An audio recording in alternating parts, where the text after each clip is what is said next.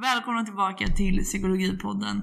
Podden för dig som vill lära dig mer om dig själv och om hur du funkar. Idag så kommer vi träffa en av mina absoluta favoritgäster, Anders Hansen, och vi kommer att prata om just ångest. Ångest, det kan jag ju garantera att alla ni som lyssnar har upplevt någon gång, vissa mer och vissa mindre. Men vad är egentligen ångest? Och vad fyller det för funktion? Vad har det fyllt för funktion historiskt sett? Vad för typ av olika ångestsyndrom finns det? Vi kommer inte prata om alla, men när man ska diagnostisera ångest, då är det faktiskt det som utlöser ångesten som blir avgörande för vad för typ av diagnos man får. Så vi kommer prata om bland annat generaliserade ångestsyndrom som kallas för GAD eh, och vad det är för någonting. Vi kommer prata om ehm, social ångest. Vi kommer prata och panikångest. Sen så kommer vi lite in på bakisångest som absolut inte är en diagnos men eh, det är ju spännande ändå. Så att, häng kvar så träffar vi Anders tillsammans och lär oss mer om herr Ågren. För de som inte känner dig, vem är du? Eh, jag heter Anders, jag är läkare och psykiatriker och jobbar på Sofiahemmet i Stockholm. På Sofiahemmet jobbar har jag öppenvårdspatienter, alltså patienter som inte är inskrivna och de kommer för olika problem. Det vanligaste är ångest och depressioner och utmattningssyndrom. En del bipolära, ganska få psykossjukdomar. Och jag gillar egentligen att jobba med både psykossjukdomar och svårare, svårare bipolaritet för jag tycker det är otroligt spännande när det är så uppenbart organiskt. Men, eh, men då ska man egentligen jobba på avdelning. Jag föreläser en del och skriver en del och sådär så att det är svårt att kombinera det, det jobbet med mitt läkarjobb så då är det ganska lagom att jobba eh, med mottagning för att kunna styra över mina tider rätt bra. Så du sa att det är vanligt med ångest och depression i öppenvården? Det är vansinnigt vanligt. Mm. Om vi väljer att bara fokusera på ångest idag.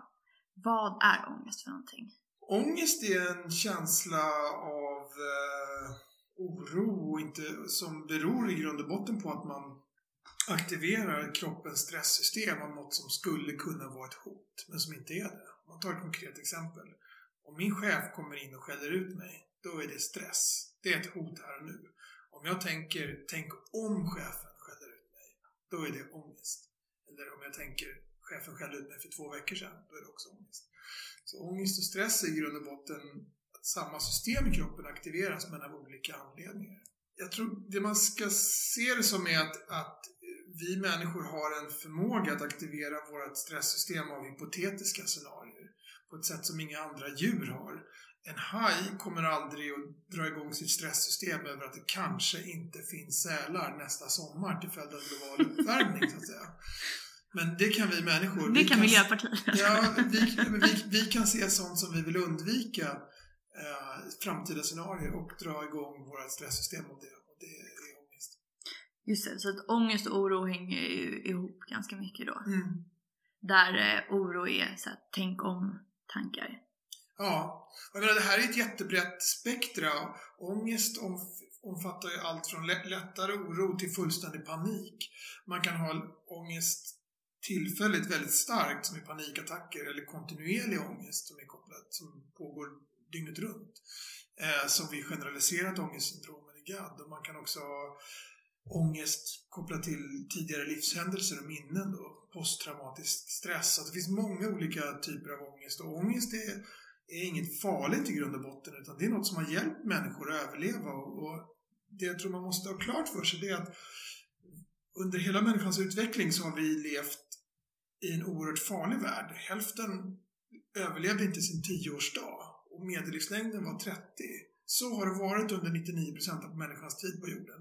Och det man dog av, det var infektionssjukdomar, man dog av att man blev ihjälslagen av andra människor och djur, man dog av svält.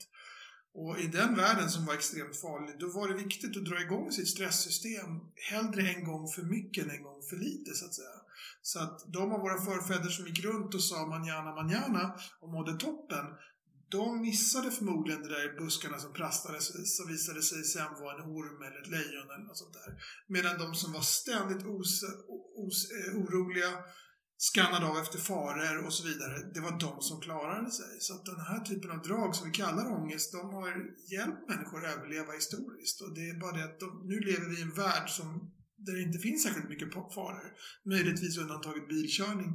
Och då behöver vi egentligen inte dra igång vårt stresssystem, men det gör vi ändå. Det, och grunden till det, det är att vi har gjort den här övergången från en historisk värld eh, som vi har levt i 99% av vår tid på jorden till dagens värld. Den har övergången har vi gjort enormt snabbt då. Mm. Precis. Men om man då kollar på ångestens funktion idag, vad är den? Ja, så om man Ångestfunktion är liksom egentligen att skanna av sin omgivning efter sånt som är farligt och dra igång stresssystemet eh, så att man står redo att möta det, det som kommer hända. Och vårt stresssystem är byggt efter något som kallas för brandvarnarprincipen och det innebär i grund och botten att man hellre drar igång stresssystemet en gång för mycket än en gång för lite. Mm.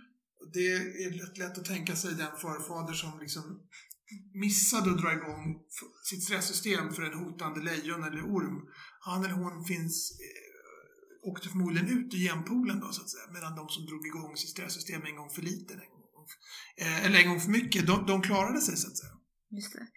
Så, så att eh, den, den, rollen har ångest spelat historiskt. Och om man tänker sig då att ångest innebär att man drar igång stresssystemet, så vad gör stress? Ja, det gör att vi blir mer koncentrerade, vi minns bättre. Det gör att vi stärker våra tankemässiga förmågor på kort sikt. Så stress är egentligen ett sätt att anpassa sig till ökade krav på något sätt. Då. Och vi skulle inte må bra om vi inte, vi utsatt, om vi inte kunde uppleva stress.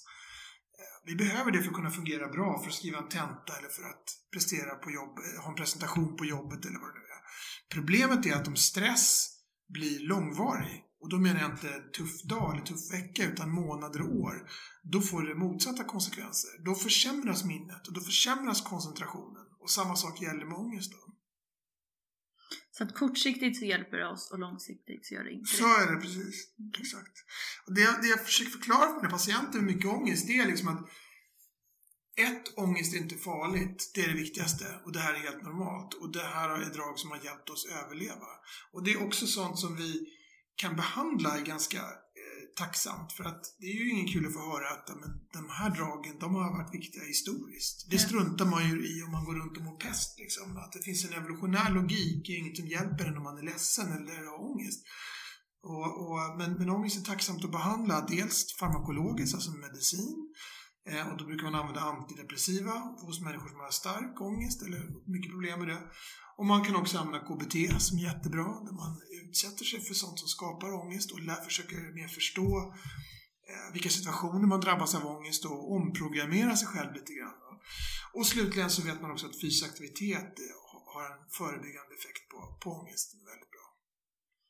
Just det, så varken ångest eller stress eller att vara nere under en viss period är farligt helt enkelt. Exakt, det är det inte. Eh, men däremot om man lyssnar på det här och har mycket ångest då är det ju samma sak där så man skiter väl i om det är Alltså det är klart att det är bättre om det inte är farligt än om det vore farligt. Men det är ändå liksom, jaha, okej, okay, och?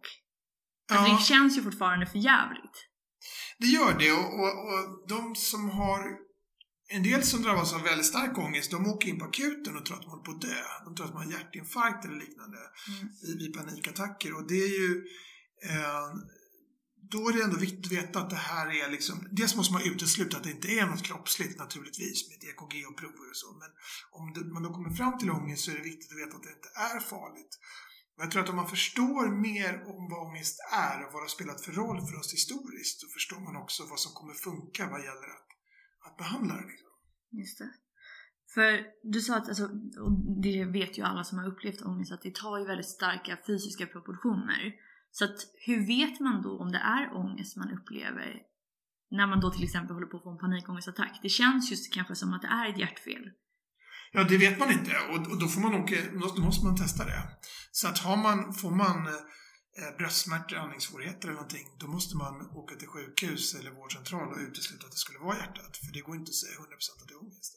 Just det. Men om det kommer in unga människor så är det väl vanligen så att det är ångest? Det vanligaste är absolut att det är ångest. Så är det. Men, men, men det kan också vara något annat. Så det går inte att säga att är du ung och har bröstsmärtor så behöver du inte bry dig. Så nej, nej, det sa jag inte. um, nej, men du sa också att, att ångest funkar lite som det här med brandlarmsprincipen tror jag du sa. Mm. Och där gäller ju också att alltså precis som med brandlarm så kan det ju gå av falsklarm och det låter ju precis likadant oavsett mm. om det är ett riktigt brandlarm eller om du liksom brände whatever, köttbullarna. Mm. Och det är ju samma sak med ångesten, den känns ju lika äkta oavsett om det är ett faktiskt hot eller någonting du föreställer dig. Exakt. Så är det. Mm. Så och jag menar, jag, jag- var i Alperna här förra sommaren och då så gick jag eh, på en, en äng där med en kompis och sen så stannade jag och bara stod still och så kände jag hjärtat slog snabbt och hårt och jag andades snabbare och då frågade han mig så här, är det okej? liksom? Och så sa jag, jag vet inte, tänkte jag, vad är det, överansträngning eller vad är det? Och så tittade jag framför mig och då låg det en plastslang där. Och den såg ut, vid snabb anblick så kunde man missta den för en orm. Då. Och då förstod jag vad det var. Det som händer är att amygdala, som är liksom motor i kroppens stresssystem, den skannar hela tiden av vår omgivning. Och det gör den dygnet runt hela livet. Och den söker av omgivningen efter någonting som kan, in, skulle kunna vara farligt för oss. Och det den gör, det är att den är väldigt, den är snabb, men den är inte särskilt exakt. Så den såg något som möjligtvis kunde kunna vara en orm och sen så drar den i larmknappet. Och när, eller larmknappen. Och när, när, när den gör det, då drar den igång en kaskadreaktion i kroppen som gör att jag dels stannar, som gör att hjärtat slår snabbare och hårdare och så vidare. Och det här sker innan man är medveten om det. Så att amygdala söker av efter faror under medvetandets radar så att säga. Och den kan också dra, eh, dra i larmet innan vi är medvetna om det så att vi ska kunna agera och det, det beror på att vi måste kunna agera omedelbart. Om vi ska, det tar 0,2-0,3 sekunder att bli medveten om det man ser. Och om man då skulle, då skulle man ju då teoretiskt sett kunna komma för nära ormen, så då drar amygdala i larmet. Då, så att säga. Så, så att, och det här är brandvarnarprincipen, hellre en gång för mycket eh, än en gång för lite. Därför att de av våra förfäder där, som inte stannade för den här ormen då, de, finns ju inte, de generna finns inte längre bland oss då, så att säga. Så, så det, och, och amygdala går inte bara igång på ormar, utan den går igång på lite vad som helst. Den kan gå igång på allt från, från liksom höga ljud till, eh, till att det är bullrigt runt om oss, till att folk ser rädda ut och så vidare. Och den kan inte bara gå igång på sån information som är oprocessad synintryck, utan den kan också gå igång på information som har processats i hjärnan. Till exempel att Riksbanken höjer räntan, jag kommer få dyrare lån, jag kommer få svårt med ekonomin. Det är ju inte en process som jag har eh, som är medfödd, det är ju ingen instinkt utan det är något som vi har lärt oss som kräver att man har processat informationen. Eller jag har inte fått tillräckligt många Facebook-like på min senaste bild. Jag- kommer bli utesluten i gemenskapen. Det är också sånt som kräver att vi har processat informationen. Men brandvarnarprincipen gäller hela tiden, att den hela tiden eh, så att säga flaggar för faror hellre en gång för mycket än en gång för lite. Och människor med mycket ångest, de har en amygdala som hela tiden ligger i startblocken och markerar faror precis till höger och vänster. Och då ser man en massa mer eller mindre orealistiska, oftast orealistiska scenarier framför sig. Tänk om planet störtar. Eh, tänk om jag inte, vad det nu kan vara, om jag får sparken för att det är neddragningstider och så vidare. Liksom. Så den är överaktiv helt enkelt. Den tycks vara överaktiv, ja, exakt. Men eh, är det så, jag menar om man kollar på, om man jämför sig själv och andra då kan man ju kanske säga jag är mer ångestbenägen eller mindre ångestbenägen än den här och den här personen. Mm. Så att det här larmsystemet ser annorlunda ut hos olika människor. Ja, det gör det. Det ser olika ut hos olika människor. Och det, det beror till viss del på genetik. Någonstans kring, fem, i, i grovt räknat så tror man att runt 50% av det är genetiskt. Så vissa föds med ett mer överaktivt larmsystem och det beror på att det har varit viktigt att ha sådana individer i stammen. Så de har varit en varningsklocka för övriga människor. Det intressanta är att vissa gener som är kopplade till mycket ångest, de tycks ha blivit vanligare genom historien. Och, och det, det, för det går att beräkna ungefär hur vanliga gener har varit när man tittar på prover och, och, och kvarlevor och sådär.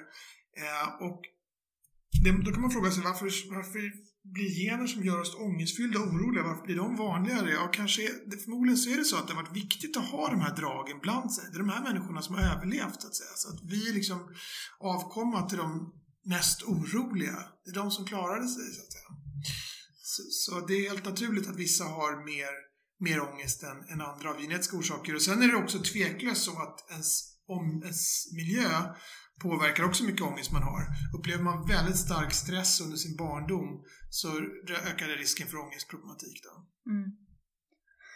Men precis, alltså då kan man ju tänka sig att vi är, vi, alltså i och med att ångesten har varit heter det, advantageous, eh, Fördelaktiga. exakt fördelaktig eh, evolutionärt sett så har ju hela det här systemet liksom fine-tunats med Mm. varje generation. Där vi då är liksom de mest kanske ångestiga människorna. Alltså förstår du? Ja, absolut. Sen också har det funnits ett mottryck mot det. Man kan inte vara för ångestfylld, för då har man inte, om man liksom är den, om man duckar för sin egen skugga, då får man dum. inget gjort liksom. Så det, det, det här det är flera saker som verkar åt, som drar åt olika håll. Och, och dessutom så är det så att människor är ett flockdjur. Vi har levt i grupper om 100-150 personer och det, det, det har varit oerhört viktigt att ha alla egenskaper representerade. Det har varit extremt viktigt att ha äventyrliga personer som vågar ta risker, exploatera, utforska nya eh, områden och så vidare. Det är förmodligen mycket det vi kallar ADHD idag. Det har varit extremt viktigt att ha personer som är försiktiga generaler, som absolut inte hoppar i galen tunna och som ser risker till höger och vänster. Ångest. Det har varit viktigt att ha de som är sensibla, känner av sociala stämningar och så vidare, är väldigt känsliga för det. Och det kanske är den typen, det som man kallar för högkänslighet och så vidare. Så att jag menar, psykiatriska diagnoser tror jag ofta återspeglar att vi har haft, det har varit oerhört viktigt att vi har haft olika egenskaper representerade hos Mm. oss. Och sen är det ju så att det, det är först om det då leder till problem i termer av hur man mår eller fungerar, det är då det är värt att diagnostisera och, och eh, eventuellt ge behandling som medicin eller terapi och så. Men att ha, jag tror att en viktig utgångspunkt att inse att vi är olika och vi ska vara olika. Absolut, jag håller helt med. Man kan ju tänka sig att alltså, ångest och alltså, all, alla liksom, psykiatriska syndrom eller sjukdomar eller vad man vill kalla det. De återfinns ju i någon typ av normalfördelning i hela populationen. Alltså, Exakt. alla har ju symptom på ångest, depression, Exakt. whatever. Ehm, Mer eller mindre. Vissa har nästan inga, andra har mycket. Liksom. ja, Så vi, det, det här, precis som du säger, det här är normalfördelat. Precis, och det är normalfördelat. Så att om man har ångest, om man är orolig så behöver inte det i sig innebära någon problematik.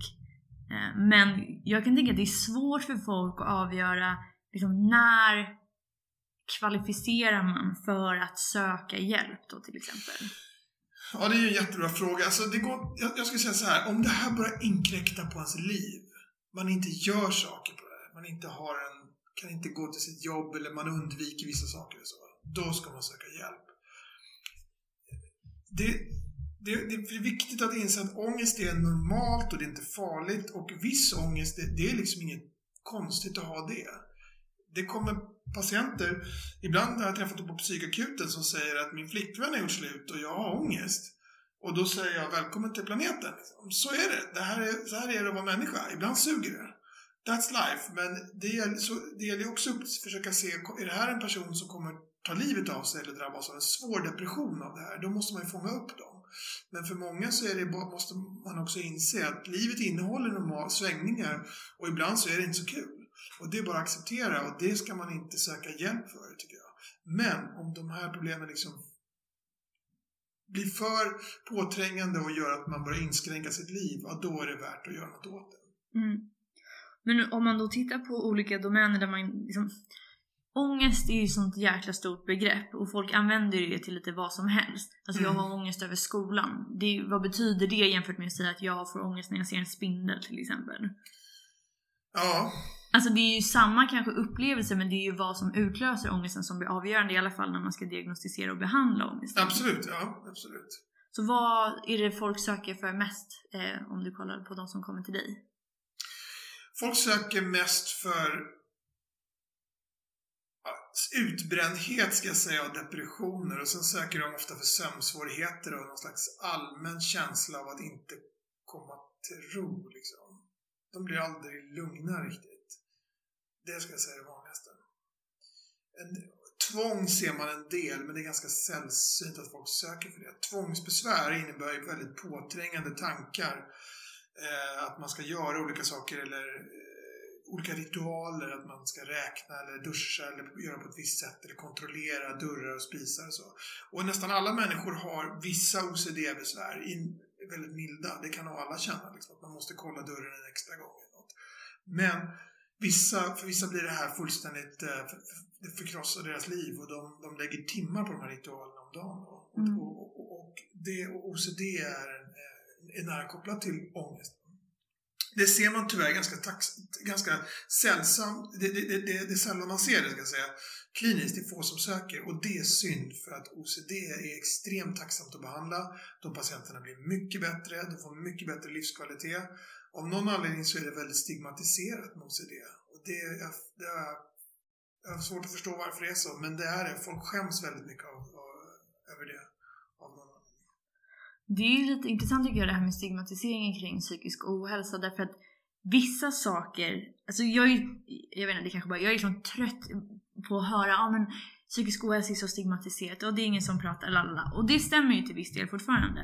Men samtidigt så tycker jag liksom att inom liksom, paraplybegreppet psykisk ohälsa så är det ju så att olika saker har olika hög stigmatiseringsgrad. Ja, verkligen. Absolut. Är du med? Ja, 100%. Där ångest kanske är så ganska okej okay ja, att snacka om. Så är det. Och, och det där det har svängt enormt. Jag minns att när jag gick i gymnasiet, det är drygt 20 år sedan, och då var att ta kontakt med psykiatrin då, det var helt otänkbart. Då skulle, jag såg framför mig bilder av tvångströjor och vadderade rum. Liksom. Så följden av det blev ju att folk, inte, folk mådde dåligt utan att söka hjälp. Där, och, och numera så har det förändrats, nu har stigmat försvunnit. Men ibland tror jag att folk söker hjälp för sånt som, är, som, som hör livet till. Så man bara får inse att det här är inget som psykiatrin kan hjälpa med, utan det här bara måste man lära sig leva med. Mm.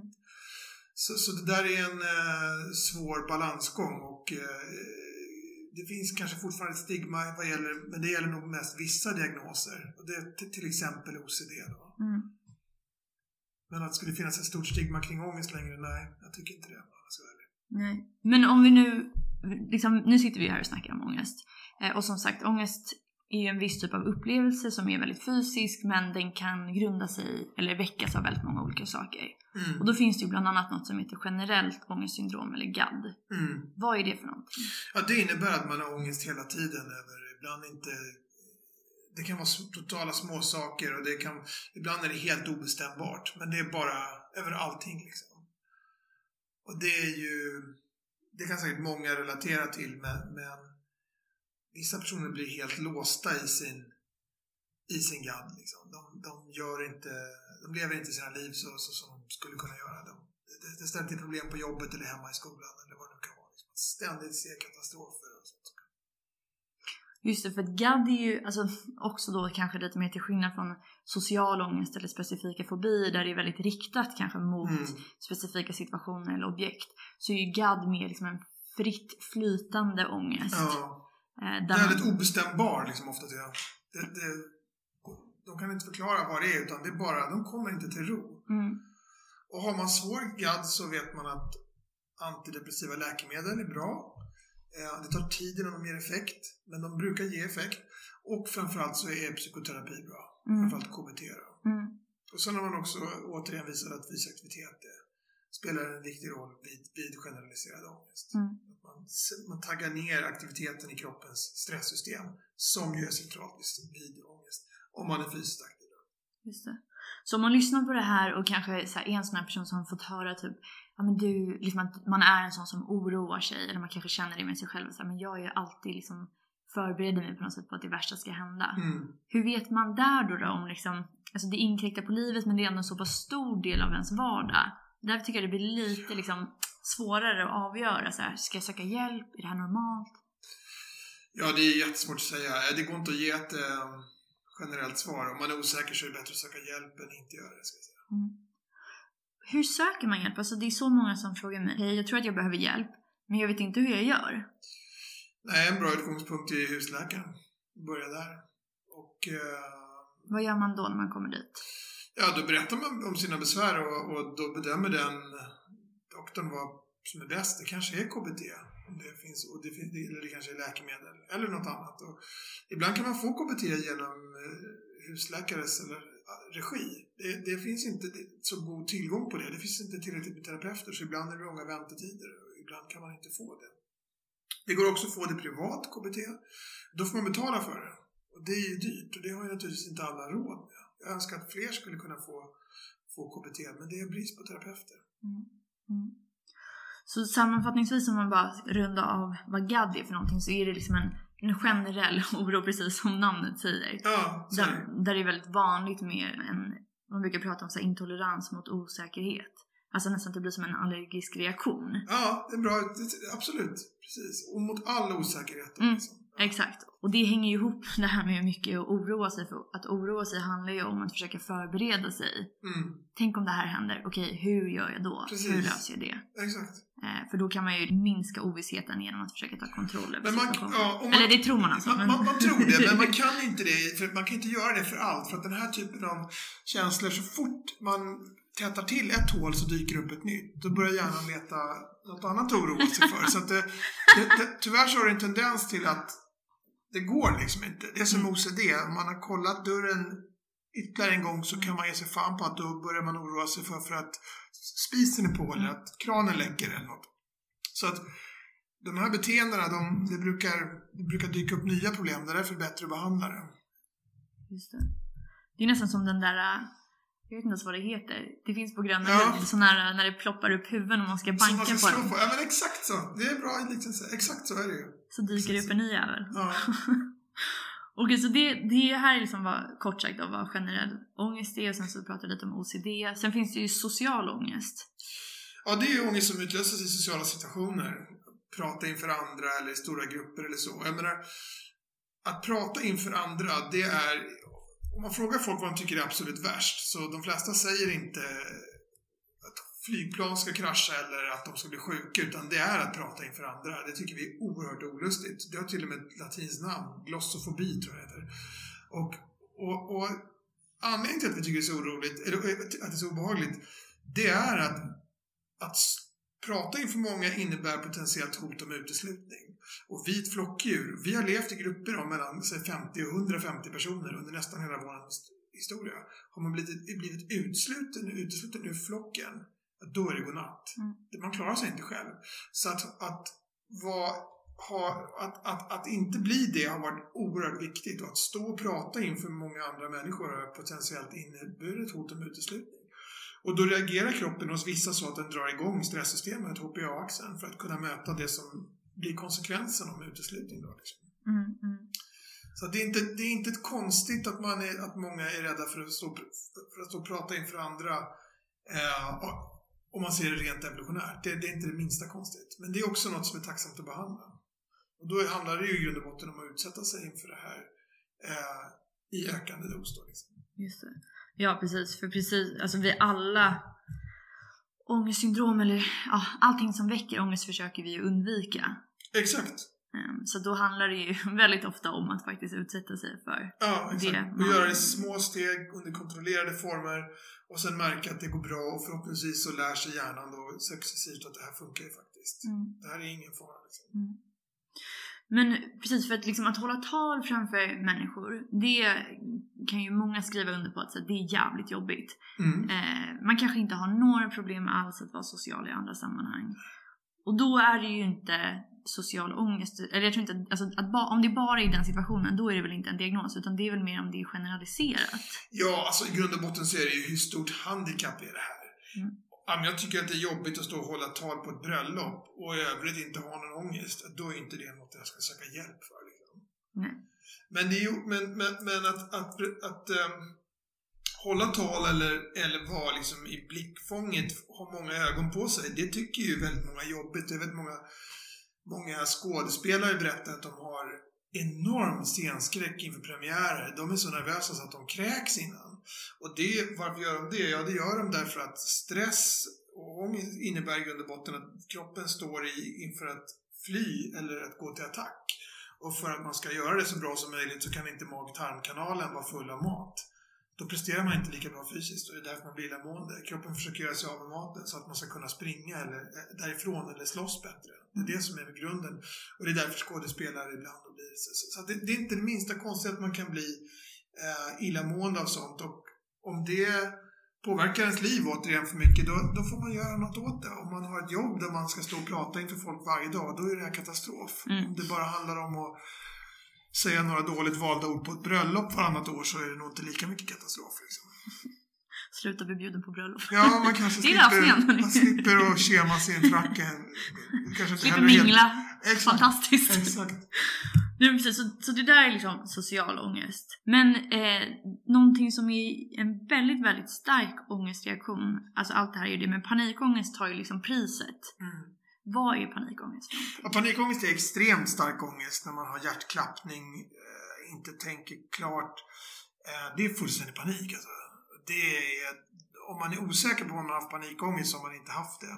De som jag patienter har haft, och det har sett många, de beskriver hur det är fruktansvärt vidrigt. Det finns ingenting som är... Och, och eh, panikångest är oerhört handikappande, inte bara för att attackerna är så pass jobbiga utan de försöker undvika att hamna i situationer som utlöser det här igen. Och det kan vara så att om de har fått det här på tunnelbanan, då åker de aldrig med tunnelbana. Mm. Eller om på en buss åker de inte buss. Eller om de har fått en panikattack i, på jobbet så kan de inte gå dit igen så att säga. Så det blir en enormt stark oro inför situation, att hamna i situationer igen där man får panikångest. Och ibland så är den där förväntas, förväntansoron, den är ännu värre än själva panikattackerna. Och då blir man liksom mer och mer inskränkt i sitt i sitt liv och, och då måste man definitivt ha hjälp. Och då är samma sak där. Att då, då är medicin bra, antidepressiva är bra. Eh, psykoterapi är också jättebra. Mm. Och vad gäller fysisk aktivitet så får man börja försiktigt. Fysisk aktivitet har en bra effekt mot panikattacker. Man måste börja lugnt. Man kan inte börja med att ge sig ut och springa då för risken finns att kroppen tolkar pulsstegringen som att en ny panikattack är på gång. Och så utlöses det av det. Så man får börja väldigt försiktigt och så trappa upp det långsamt. Men panikattacker är enormt eh, handikappande och innebär en stor, stort lidande för de som är drabbade och då ska man absolut söka hjälp. Mm. Jag tänker att många som har panikångest undviker nog att träna just för att kroppsliga sensationer påminner så himla mycket om hur det känns Alltså när ångesten Exakt. stegras sådär mycket. Och det är därför det kan vara viktigt, för att om de då sakta lär sig att pulsstegring följs av endorfiner och att man mår bra, som det gör efter en löptur, då, då har det så att säga en positiv effekt på deras... Då försvinner ång- ångesten lite grann. Eller de, så, så um, fysisk aktivitet är, är viktigt där, men, men återigen, de som har panikattacker behöver också annan hjälp, psykoterapi eventuellt också medicin. Ja men när vi, innan, vi nämner ju det, du nämner ju medicin lite här och där. Eh, alltså, alltså inte att du kastar ut det här och där. Nej, jag, Men du säger liksom inte med det. Nej, jag vet att du inte gör det. Ehm, men precis, då pratar man om, eh, förlåt, då pratar man om antidepressiv medicinering. Ja. Och även om det skrivs ut extrema mängder antidepressiva nu för tiden så tycker jag ändå att det finns någon lite skev bild av vad det är för någonting. Eh, vad, vad är det för någonting? Vad gör det för någonting? Antidepressiva mediciner är ett sätt att behandla ångest och depressioner med och det är inte lyckopiller. För att om man ger antidepressiva till någon som mår bra eller till någon som har väldigt milda depressionssymptom, då kommer det inte funka. Utan de fungerar bra på de som har ordentliga depressioner eller ångest. Och det är inte, man får inte omedelbar effekt av de här medicinerna utan det tar ofta 3-4 veckor. För ångestproblem kan det ta ännu längre, 6-8 veckor till och med, innan man får full effekt. De ger inte effekt på alla, men de ger bra effekt på en tredjedel skulle jag säga vad gäller depressioner. Okej effekt på en tredjedel och ingen effekt på en tredjedel. Mm. Så att de är inte beroendeframkallande, det är ganska snälla mediciner, de, men de kan ha biverkningar. Och det är också så med antidepressiva att de kan öka ångesten när man börjar äta dem. Och det är väldigt viktigt att veta, att känna till det, för om man har mycket problem med ångest så kan det bli ännu värre i början. Och det är därför behöver man tät uppföljning när man börjar äta antidepressiva. Mm. Och det, eh, av de personerna jag har träffat i alla fall så är det ju vanligt att de kanske har missat att informera om just det här, att det kan bli värre i början. Ja, det är, det är inte okej. Nej, och det är ju ganska farligt till och med. Det är det absolut. Det kan i värsta fall utlösa självmordstankar. Mm. Så, så eh, det är extremt viktigt att veta. Och det är också som medicinerna att det här är ta- tabletter som man tar varje dag. Man tar liksom inte idag mår jag sämre, då tar jag två. Imorgon mår jag bättre, då tar jag ingen. Utan man tar samma dos varje dag. Man kan inte, man kan inte vänta sig omedelbar effekt. Då. Det finns ångestmediciner som ger omedelbar effekt. Och tyvärr är det så att ju effektivare de är, desto mer beroendeframkallande är de. De riktigt effektiva, de, har en, de skriker hjärnan efter. Hjärnan försöker till vilket sätt, pris som helst stilla vår ångest. Och finns det en tablett som gör det så blir det enormt tilldragande så att säga. Vi känner ett sug efter det. Det som ger allra mest ångestlindring, ska jag säga snabbast, det är alkohol. Det finns ingenting som dämpar ångest så snabbt som alkohol. Och det har ju alla känt att när man har druckit ett glas vin, då försvinner ju alla känslor av oro direkt. Liksom. Och det är det här som gör att människor blir alkoholister. Att alkohol är så enormt eh, att alkohol har en sån enorm effekt på våra känslor av stress och ångest. Mm. Men alla förstår ju att man kan inte lösa problem med ångest med alkohol. Och, det, och man kan inte heller lösa problem med ångest av tillfälliga ångestmediciner. Utan man behöver psykoterapi, antidepressiva och fysisk aktivitet för att skapa liksom något som är långsam, långsiktigt hållbart. Mm. Mm, jag håller helt med. Nu måste jag bara fråga när du ändå snackar om, om alkohol och ångest. Det här är ju absolut inte någon störning, men bakisångest. Mm. Vad är det? För alltså, jag, många känner igen känslan av att man går, eh, man tar whatever vad man nu dricker och ångesten försvinner, sen kanske man fortsätter att dricka, sen vaknar man dagen efter. Och då bara ding! Ja, jag vågar inte svara, jag vågar inte svara på det, vad det beror på, men det är ju enormt påtagligt. Om man har, om man har problem med ångest och är bakis, då är det ju ibland fruktansvärt. Det beskriver en del som att det, det är så svart så att jag kan inte, jag kan liksom inte uttrycka det. Det är fullständigt vidrigt. Liksom. Och då, de personerna är ju gudskelov ofta försiktiga med alkohol sen då. Eh, men exakt vad det beror på, om man på något sätt har tömt ut eh, serotonin eller dopamin eller något annat av alkoholen och inte har något kvar dagen efteråt. Jag vågar inte svara på vad det beror på. Mm.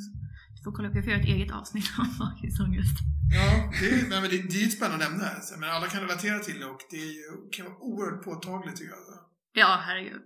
Eh, vi ska snart runda av, men jag har någon till fråga. Alltså menar, för evolutionärt sett har det sagt att, att ångest fyller ju väldigt många livsviktiga funktioner och till viss del gör ju det även idag. Men du var lite inne på det här med, med likes och liksom sociala medier och alltså lite den biten. Tror du att det föder ångest? Jag tror det, därför att vi lever i en rätt märklig värld. Vi, vi plockar upp våra mobiltelefoner i fickan var tionde minut dygnet runt. Det är i snittet. Vi, vi berör dem nästan 3000 gånger per dygn. Och, och, och det, återigen, det är snittet. Det är helt sinnessjukt. Det är helt, det är helt sinnessjukt. Och alltså. Hälften av alla ungdomar går upp på natten en gång och tittar på mobilen. Minst en gång. Så att mobiltelefonen har gått från att vara något som, jag menar, det var något som vi hade för att ringa för tio år sedan till att vara något som har fullständigt tagit över våra liv. Och jag tror att det går alldeles utmärkt för många, men jag tror att för en del som har en känslighet för ångest och stress så tror jag det här driver en oro att hela tiden vara någon annanstans och hela tiden känna att man missar saker och framförallt hela tiden att bli granskad via hjärtan och tummar upp och allt vad det är. Liksom. Man, får, man blir betygsatt på något sätt hela tiden. Och, och och bara för att koppla det till revolutionära så har vi liksom levt i grupper om kanske 100-150 personer och vår sociala placering i hierarkin har varit oerhört viktig för hur vi mår. Och det, och det, det kan man se hos apor att när de sjunker hierarkiskt så, så mår de sämre och drar sig undan och visar depressionsliknande tillstånd. Och det tror man beror på att de, liksom om, man, om man är alfahan eller alfahona och sen petas från sin tron då gäller det inte att vara ett hot mot nästa alfahan eller alfahona. Och därför så har naturen byggt in en mekanism som gör att man drar sig undan och drar täcket över huvudet och mår skit då. Och vad, vad spelar det, varför det är relevant för oss? Jo, om man då liksom, att sjunka i den sociala hierarkin, det är kopplat med att må dåligt. Och, och, nu lever vi i en värld där vi har så vansinnigt mycket människor som vi tävlar med. Vi har alltid tävlat med varandra, tror jag, i olika dimensioner. Det har människor alltid gjort. Men jag kan bara relatera till min uppväxt. Jag jämförde mig med killarna i klassen. Och så hade jag kanske några killar i klassen, parallellklassen, eller de över eller under. Det var de jag jämförde med. Och så hade jag några popidoler, men de var helt ouppnåeliga. Idag så jämför sig ungdomar med liksom hundratusentals människor. Och de betygsätts ständigt då på sociala medier i form av hjärtan och tummar upp och sådär. Och resultatet av allt det här, det är att man känner sig längst ner. Man känner sig värdelös. Om man, om man då tänker på vilken nära koppling det är mellan hur vi mår och social positionering så förstår man att den här ständiga betygssättningen nog inte är särskilt hälsosam. Det tycks faktiskt vara så att flickor har mer problem med ångest av sociala medier, eh, eller av vår digitala livsstil än pojkar. Och det tros bero på att tjejer använder mer sociala medier än killar som mer spelar spel. Mm. Ja, och sen är det ju vanligare med alla ångestsyndrom hos tjejer. Och så är det vanligare med det, precis. Och, och det finns en väldigt tät, eller tajt koppling mellan att använda sociala medier mycket och ångest. Betyder det att, det är sociala medierna som driver ångesten? Ja, det är inte säkert. För det skulle kunna vara så att de som hade mycket problem med ångest väljer att använda mobilen mycket då, så att säga. Så det är svårt att veta vad som är hönan och ägget. Men jag tycker ändå om man lägger ihop den forskning som har gjorts så finns det ett rätt gott stöd för att mycket överanvändning av mobilen driver ångest. Så är det. Mm. Så, och, och, återigen, för de flesta är jag övertygad om att det inte spelar så stor roll. Men för vissa som har känslighet för det här så blir det inget bra. Liksom. Mm. Så har man mycket problem med ångest så tycker jag då, förutom medicin eller terapi och fysisk aktivitet, att man också ska försöka vara restriktiv med skärmen. Ha ett par gånger per dag då man kollar sina mejl. Eh, och, och, ha inte mobilen i sovrummet. Skaffa en väckarklocka om man, om man nu har svårt att sova. Liksom, och så vidare. Det där är så jäkla svårt för att alltså, det där är ju liksom svårt för vuxna. Och sen så förväntar man sig typ att barn ska klara av att... Exakt. Det, det, Exakt. det är ju helt sinnessjukt för det Exakt. går ju inte. Exakt. Och jag menar, när vi, om jag, har- man, man har kunnat se att när vuxna personer får hålla ett samtal med varandra, de har tagit par som inte känner varandra, som sitter och pratar tio minuter om ett bestämt ämne, och så får, får hälften av dem ha en mobil liggandes på bordet, upp och nervänd. De tittar inte på mobilen. Den andra halvan har ett, eh, av paren har ett anteckningsblock som ligger där. Och så frågar man dem efteråt, hur intressant tyckte du att samtalet var?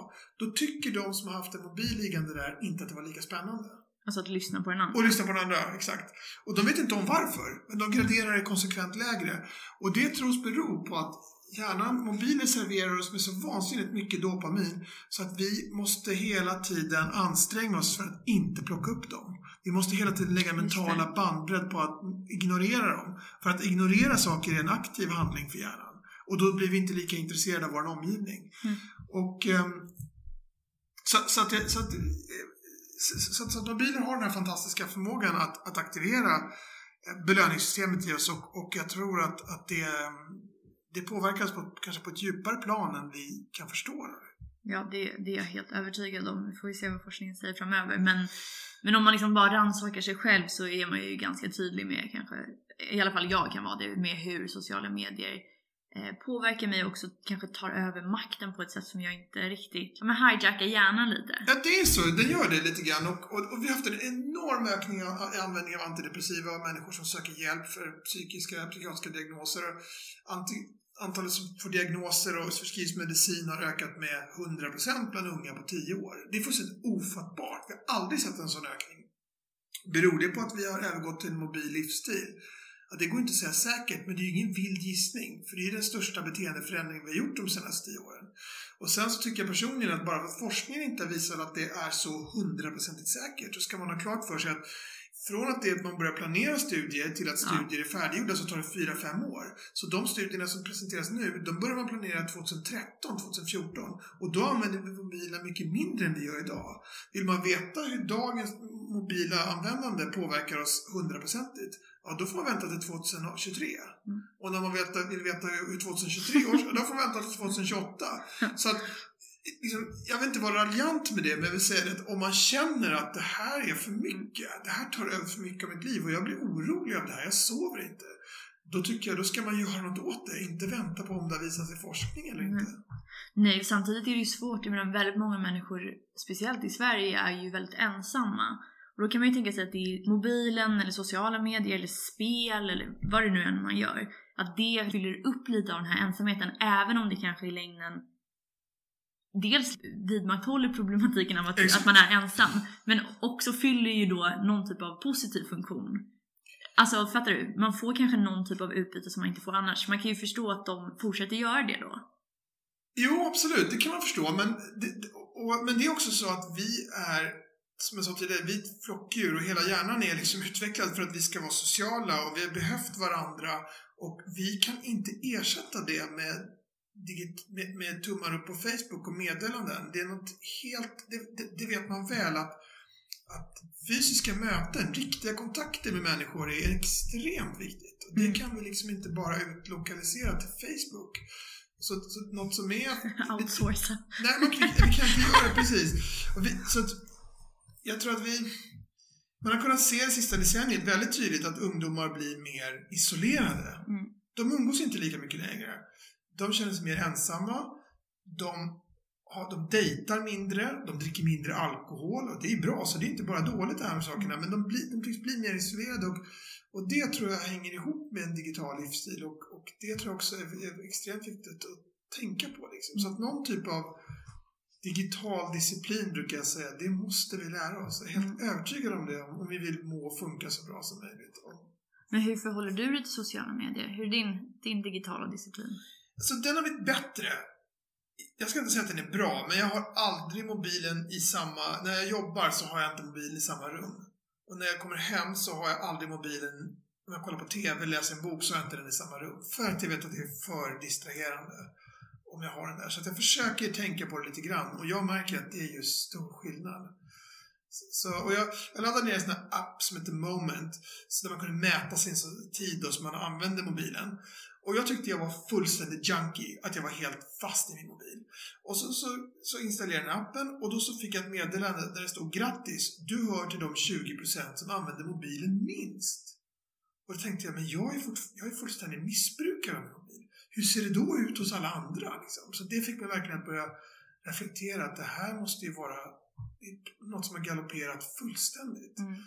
Och, och, och- så kan man, kan man hävda såklart att alla människor är oroliga, eller varit oroliga för det som kommer sen, för nästa generation. På min tid, när jag växte upp var det videovåldsdebatt och innan dess så har det varit en massa annat. Så Serietidningar typ? ja, exakt. Eller var det, det när du var? det ligger i vår natur att liksom vara orolig för det som är nytt och för det som nästa generation gör. Så att man kan tycka, är det här reflexmässigt gnäll då över liksom bara vad som, vad som är något som är ofarligt? Ja, det skulle kunna vara så Mm. naturligtvis, men jag tror skillnaden med tidigare teknologiska förändringar det är att mobiler är så vansinnigt, vi har dem med oss 3-4 timmar per dag. Och det hade man inte, man satt inte framför videofilmer 3-4 timmar per dag. Man har inte med sig TVn. Man hade inte med sin TV till klassrummet. ryggen. Eller hur? Eller, exakt, så att det här är något som, som tar stor, stor plats i våra liv. Och det är därför tror jag att det kan vara lite värt att fundera på hur mycket man tid man lägger på det. Naturligtvis ska man inte, jag säger inte att man ska radera Facebook-konton och skaffa sig en gammal eh, dumbphone eller vad man ska säga. Men jag tror bara att man ska vara lite disciplinerad med det. Mm, med de orden så avslutar vi, då vet vi. ha det bra allihopa! Säg då. Hej då! Som ett barn. Säg då! Säg det! Okej, sen, får, sen får du gå hem.